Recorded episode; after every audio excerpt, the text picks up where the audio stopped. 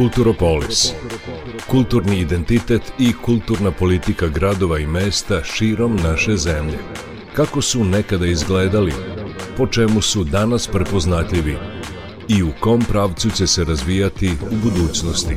Na proputovanju sa Ivanom Maletin Ćorilić.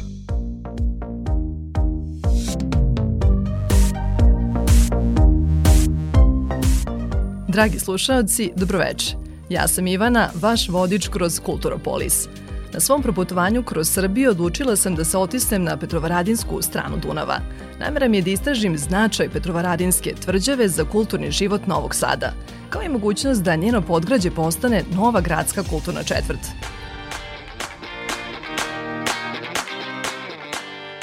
Primetno je da je zahvaljujući Exit festivalu popularnost tvrđave porasla u svetu, kao i da je preseljenje festivala uličnih svirača u Podgrađe dalo zamajac njenom kulturnom životu. Svakako ne treba zaboraviti da u njemu već decenijama važnu ulogu imaju ponosni čuvari prošlosti i verni stanovnici Petrovaradinske tvrđave, muzej grada Novog Sada i slikari. Ipak, bez rekonstrukcije podgrađa, teško je zamisliti njen kulturni preporod. Pre nego što se sretnem sa tim akterima kulturne scene, moram da se za trenutak vratim u prošlost. Tako ću bolje sagledati sadašnjicu i budućnost Petrovaradinske tvrđave.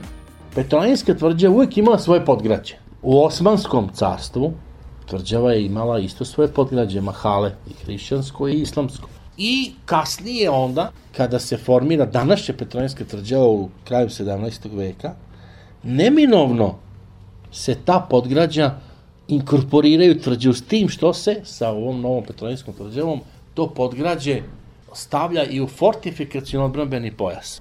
Tako da se formira donja tvrđava.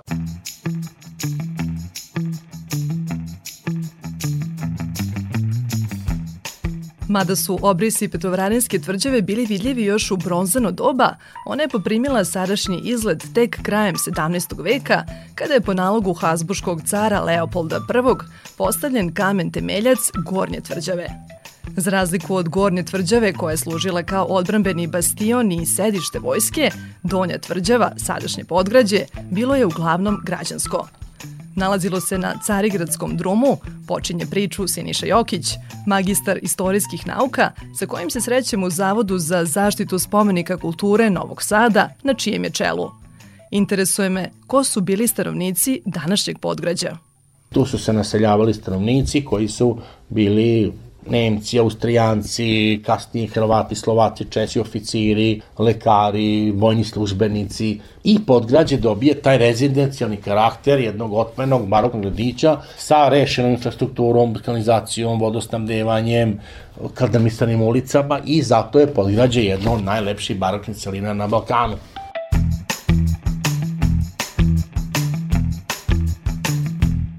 Zavod za zaštitu spomenika kulture grada Novog Sada nosilac je projekta obnove podgrađa koja je počela 2017. godine. Za pet godina rada suočili su se sa mnogim izazovima, poput organizacije gradilišta na saobraćenoj žili Kucavici i Petrovaradina, nedostatka odgovarajuće radne snage, promenljivih vremenskih uslova, zaštite obnovljenih fasada od padavina, to ih nije sprečilo da mnogim objektima vrate stari sjaj – no hoće li se na tome i zaustaviti? Sve ciljne objekte smo završili, znači Beogradsko, što Smajerovo ili Sinskog Nazora, Vulitne trgu, Protne Mihajlića, trgu Vladik Nikolaja. I sada radimo vojne objekte, vlada Republike Srbije, opet uz podršku predsjednika Vučića, Ministarstvo kulture odvojili su 300 miliona za glavne objekte na tvrđavi, i gornje tvrđavi, kapije i sve velike vojne objekte u podgrađe su oni gabaritno najveći i ako bi ostali nezavršeni, onda bi to bile velike rupe u lepoti i leprošosti. Pogledajte kako podleđe lepo izgleda.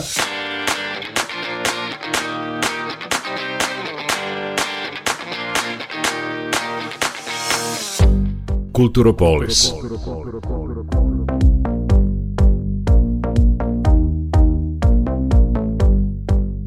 Putovanje u prošlost budi nostalgiju, ali moram da nastavim hladne glave jer mi predstoji još mnogo susreta.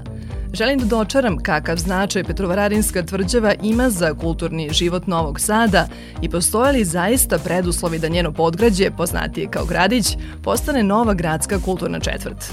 Jedan od glavnih i dugogodišnjih zagovornika te ideje su osnivači festivala uličnih svirača. Sećate li se kada je festival pre pet godina hrabro napustio svoju izvornu pozornicu, centar Novog Sada i prešao u podgrađe, novo poglavlje simbolično je obeležio dodavanjem podnaziva Gradić Fest. Verovali smo u tu ideju negde od starta i samo podgrađe onako jako scenično, Ono što je nama smetalo u centru to je velika količina bašta, kafića i sve manje javnih površina u stvari na kojima mogu da se dešavaju takvi događaji. Tako da Poređe je savršena lokacija za nas i još uvek eksperimentišemo i isprobavamo. Svake godine smo na nekim drugačijim lokacijama unutar ove celine.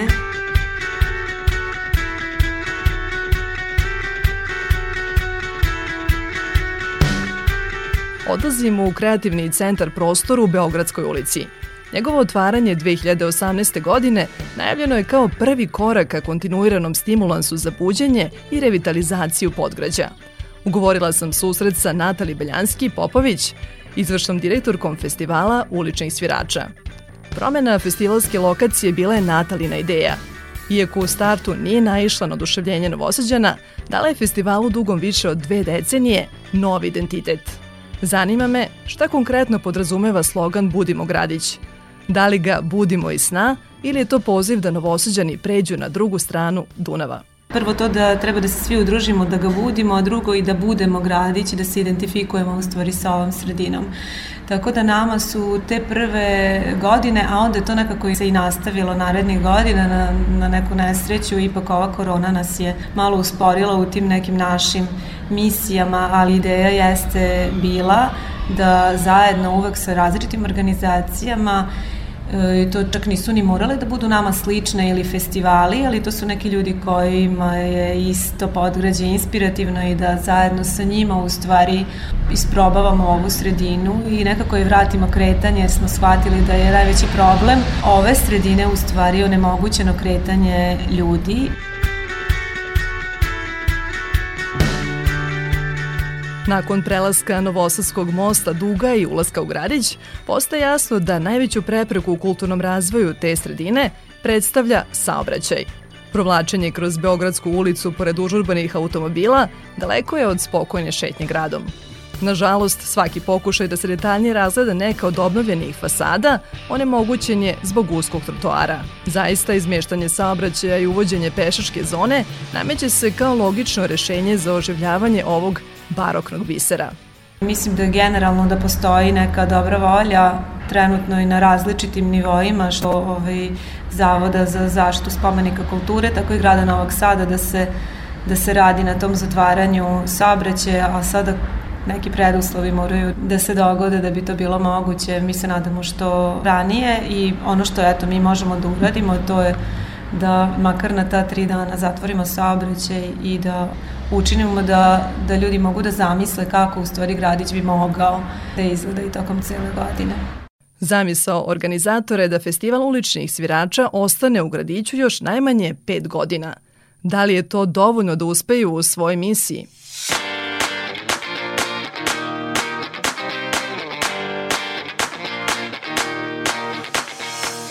Kulturopolis.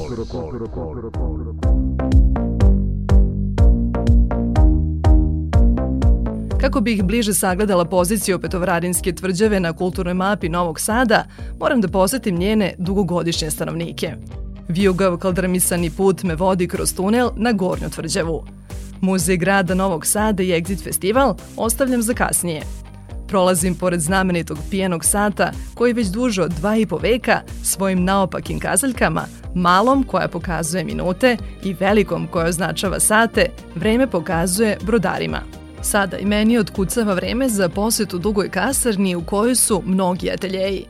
Ima li boljih hroničara tvrđave od slikara? Bilo bi primereno da vratimo i obnovimo sećanje i poštovanje prema biću tvrđave, začetniku svih društvenih političkih promena, koja je učestvovala u rađenju grada Novog Sada. U povezanosti sa istorijom i turizmom vratiti stare zanatske firme sa sličnim današnjim sadržajima. Rekonstruisati staru subotnju pijacu, to bi bilo prelepo za svaki pejsaž muzike, književnosti, vizuelnosti i tako dalje. Naravno, sa današnjim sadržajem umetnosti, zanatstva, unikata i nezaboravne zdrave hrane, dodati nove stare trgovačke prodavnice, dakle, podsjetiti javnost na vrlo jasnu pripadnost Evrope.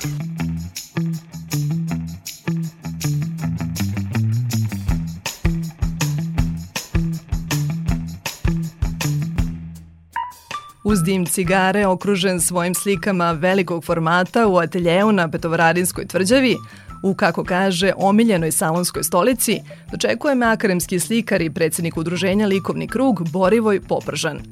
Nakon više od četiri decenije provedenih na obali Dunava sa jedinstvenim pogledom na Novi Sad, prisjeća se kolega koji su ostavili neizbrisiv trag ne samo u kulturnom životu grada, nego i šire. Sećam se saradnje sa, naravno, vrlo izuzetno, specifično poštovanim komšijama, umetnicima, Miroslavom Antićem, koji je iza ovog zida, sa Dušanom Noninom, sa Mićom Mihajlovićem, Jovanom Soldatovićem, Batom Vrsajkovim, mojim profesorom slikanja. To je ogroman svet koji negde postoji, naravno najviše u sećanjima eh, onih koji su ih i ovako i onako poznavali.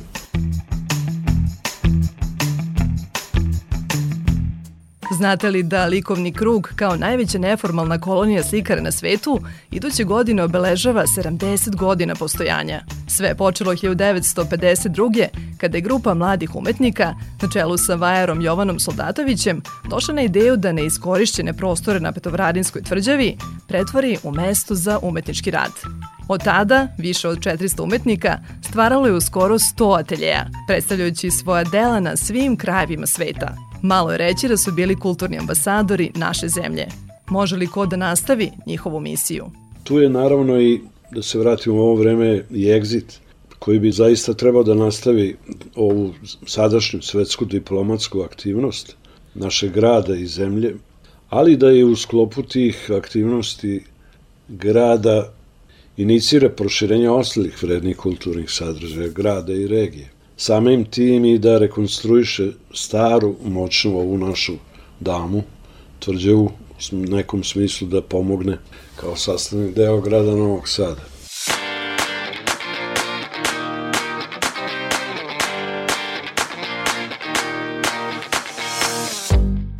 Kulturopolis. Kulturopolis. Govorimo o značaju Petrovaradinske tvrđave za kulturni život Novog Sada i pretvaranju podgrađa u kulturnu četvrt, nezaobilazan je Exit festival – On je uvrstio Petrovaradinsku tvrđavu, ali i Novi Sad, na svetsku kulturnu mapu, a dva puta je proglašava najboljim evropskim festivalom. Kao što je na samom početku 2000. godine u parku Novosadskog univerziteta simbolizovao izlaz iz mraka, bunt mlade generacije i seme promena, tako i ovogodišnja proslava 20. rođendana festivala donela veliku prekretnicu. Exit je postao prvi veliki festival održan od početka pandemije uz pravila koja će postati standard i putukaz za spas muzičke industrije. A osnivač Exit festivala Dušan Kovačević nedavno je proglašen jednim od najuticajnijih ljudi evropske muzičke i manifestacione industrije u 2021. godini od strane čuvenog američkog magazina Polestar. Exit je bio prvi veliki festival na svetu koji se desio nakon izbijanja pandemije. To je bio ogroman ekskluzivitet. Bukvalno svi važniji svetski muzički, ali i drugi mediji poput BBC-a, Guardiana i drugih su o hvalospevima pisali ovogodišnjem izdanju festivala, nazvali su ga istorijskim i kao događaj koji vraća uh, muzičku industriju na noge.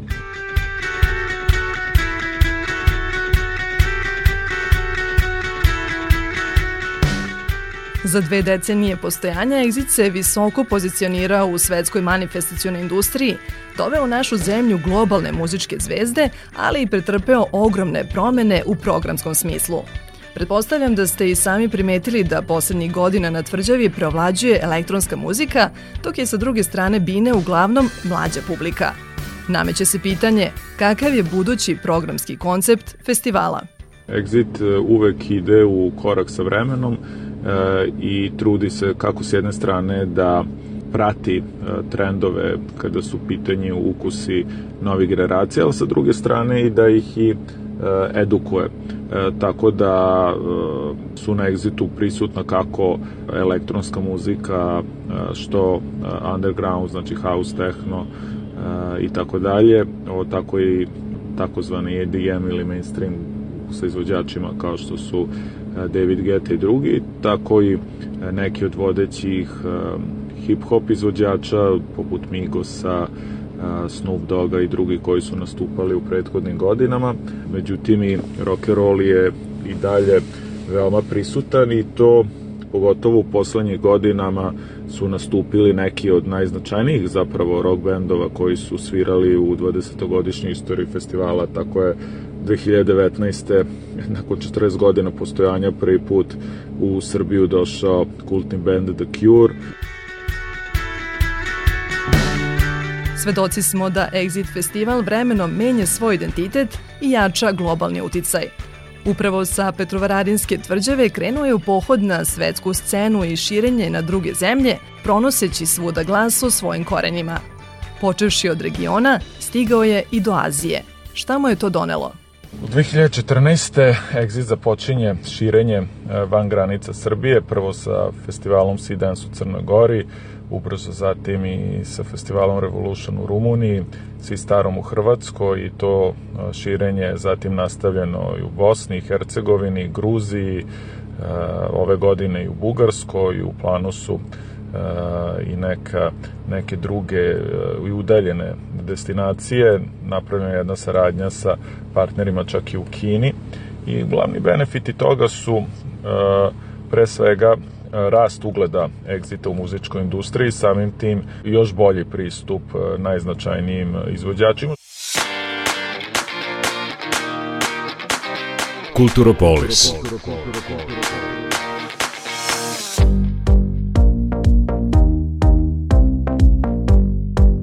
Kovačević najavljuje da će tako, osim ostalog, naredne godine na Exitu ponovo nastupiti poznati rock muzičar Nick Cave i njegovi The Bad Seeds. Da li će biti jedini predstavnik rock and roll scene na glavnoj bini, još ne znamo. Privodim kraju svoje putovanje kroz Petovaradin.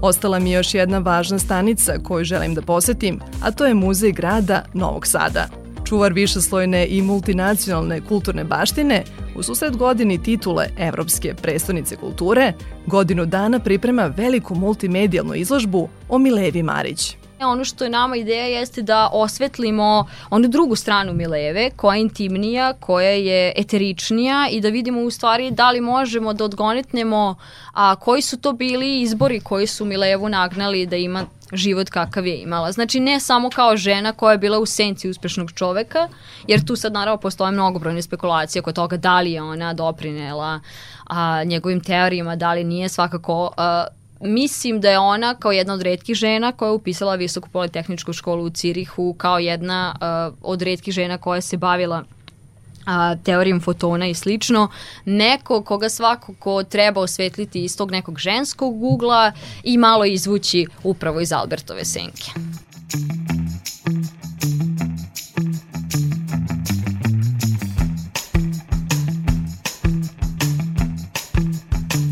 Ideja da se na ovaj način oda počast našoj poznatoj naučnici potekla je od fondacije Novi Sad, Evropska prestonica kulture – Osmišljena je kao deo programskog luka heroine, čija je misija podsticanje i promovisanje ženske kulture, umetnosti, stvaralaštva, istorije i nasleđa radi kreiranja pravednijeg društva i ravnopravnijeg položaja žena.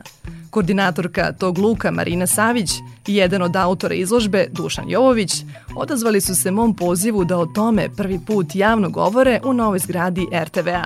Budući da se Muzej grada Novog Sada renovira zarad izložbe dugo je bio, ne bih rekla zapostavljen, ali jeste dugo prošlo od posljednje rekonstrukcije, tako da misle da će i muzik grada Novog Sada dobiti ono što zaslužuje u svom, jel da, svom punom sjaju, budući da a, bivše prostorije a, za restauratore i konzervatore će biti pridodate atriumu kao deo izložbenog prostora i nadam se da će i muzej doživeti, kako bih rekla, neku renesansu samim tim što će proširiti svoje kapacitete, a ideja jeste da on postane novo uh, mesto, kako bih rekla, inovativnog pristupa možda kulturi i muzeologiji u odnosu na ono što je bilo ranije.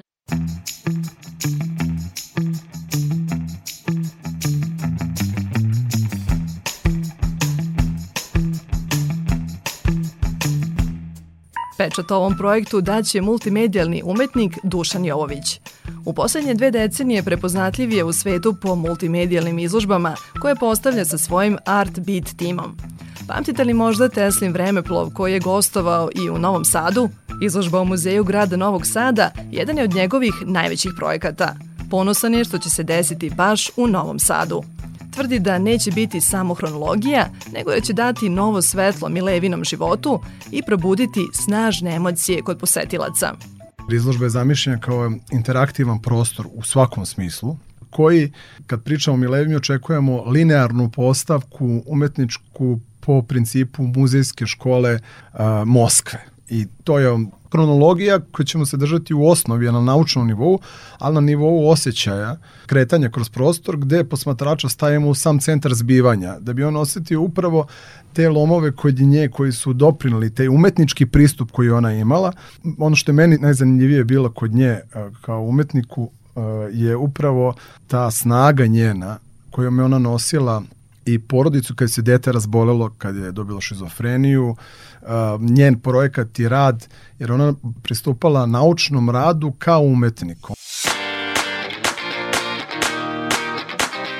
Kulturopolis.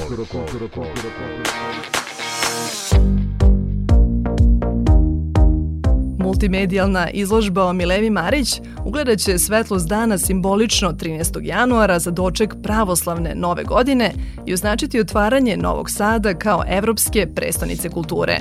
Raduje me saznanje da će naša heroina biti otrgnuta od zaborava, kao i da će Petovradinska tvrđava ponovo poneti epitet epicentra kulturnog života grada. Uz obnovljeno podgrađe, verujem da će mamiti uzdahe prolaznika svojim novim licem i to ne samo za vreme festivala. Do tada nastavljam svoje istraživačko putovanje po Srbiji. Ja sam Ivana Maletin Ćorilić, hvala što ste bili deo Kulturopolisa.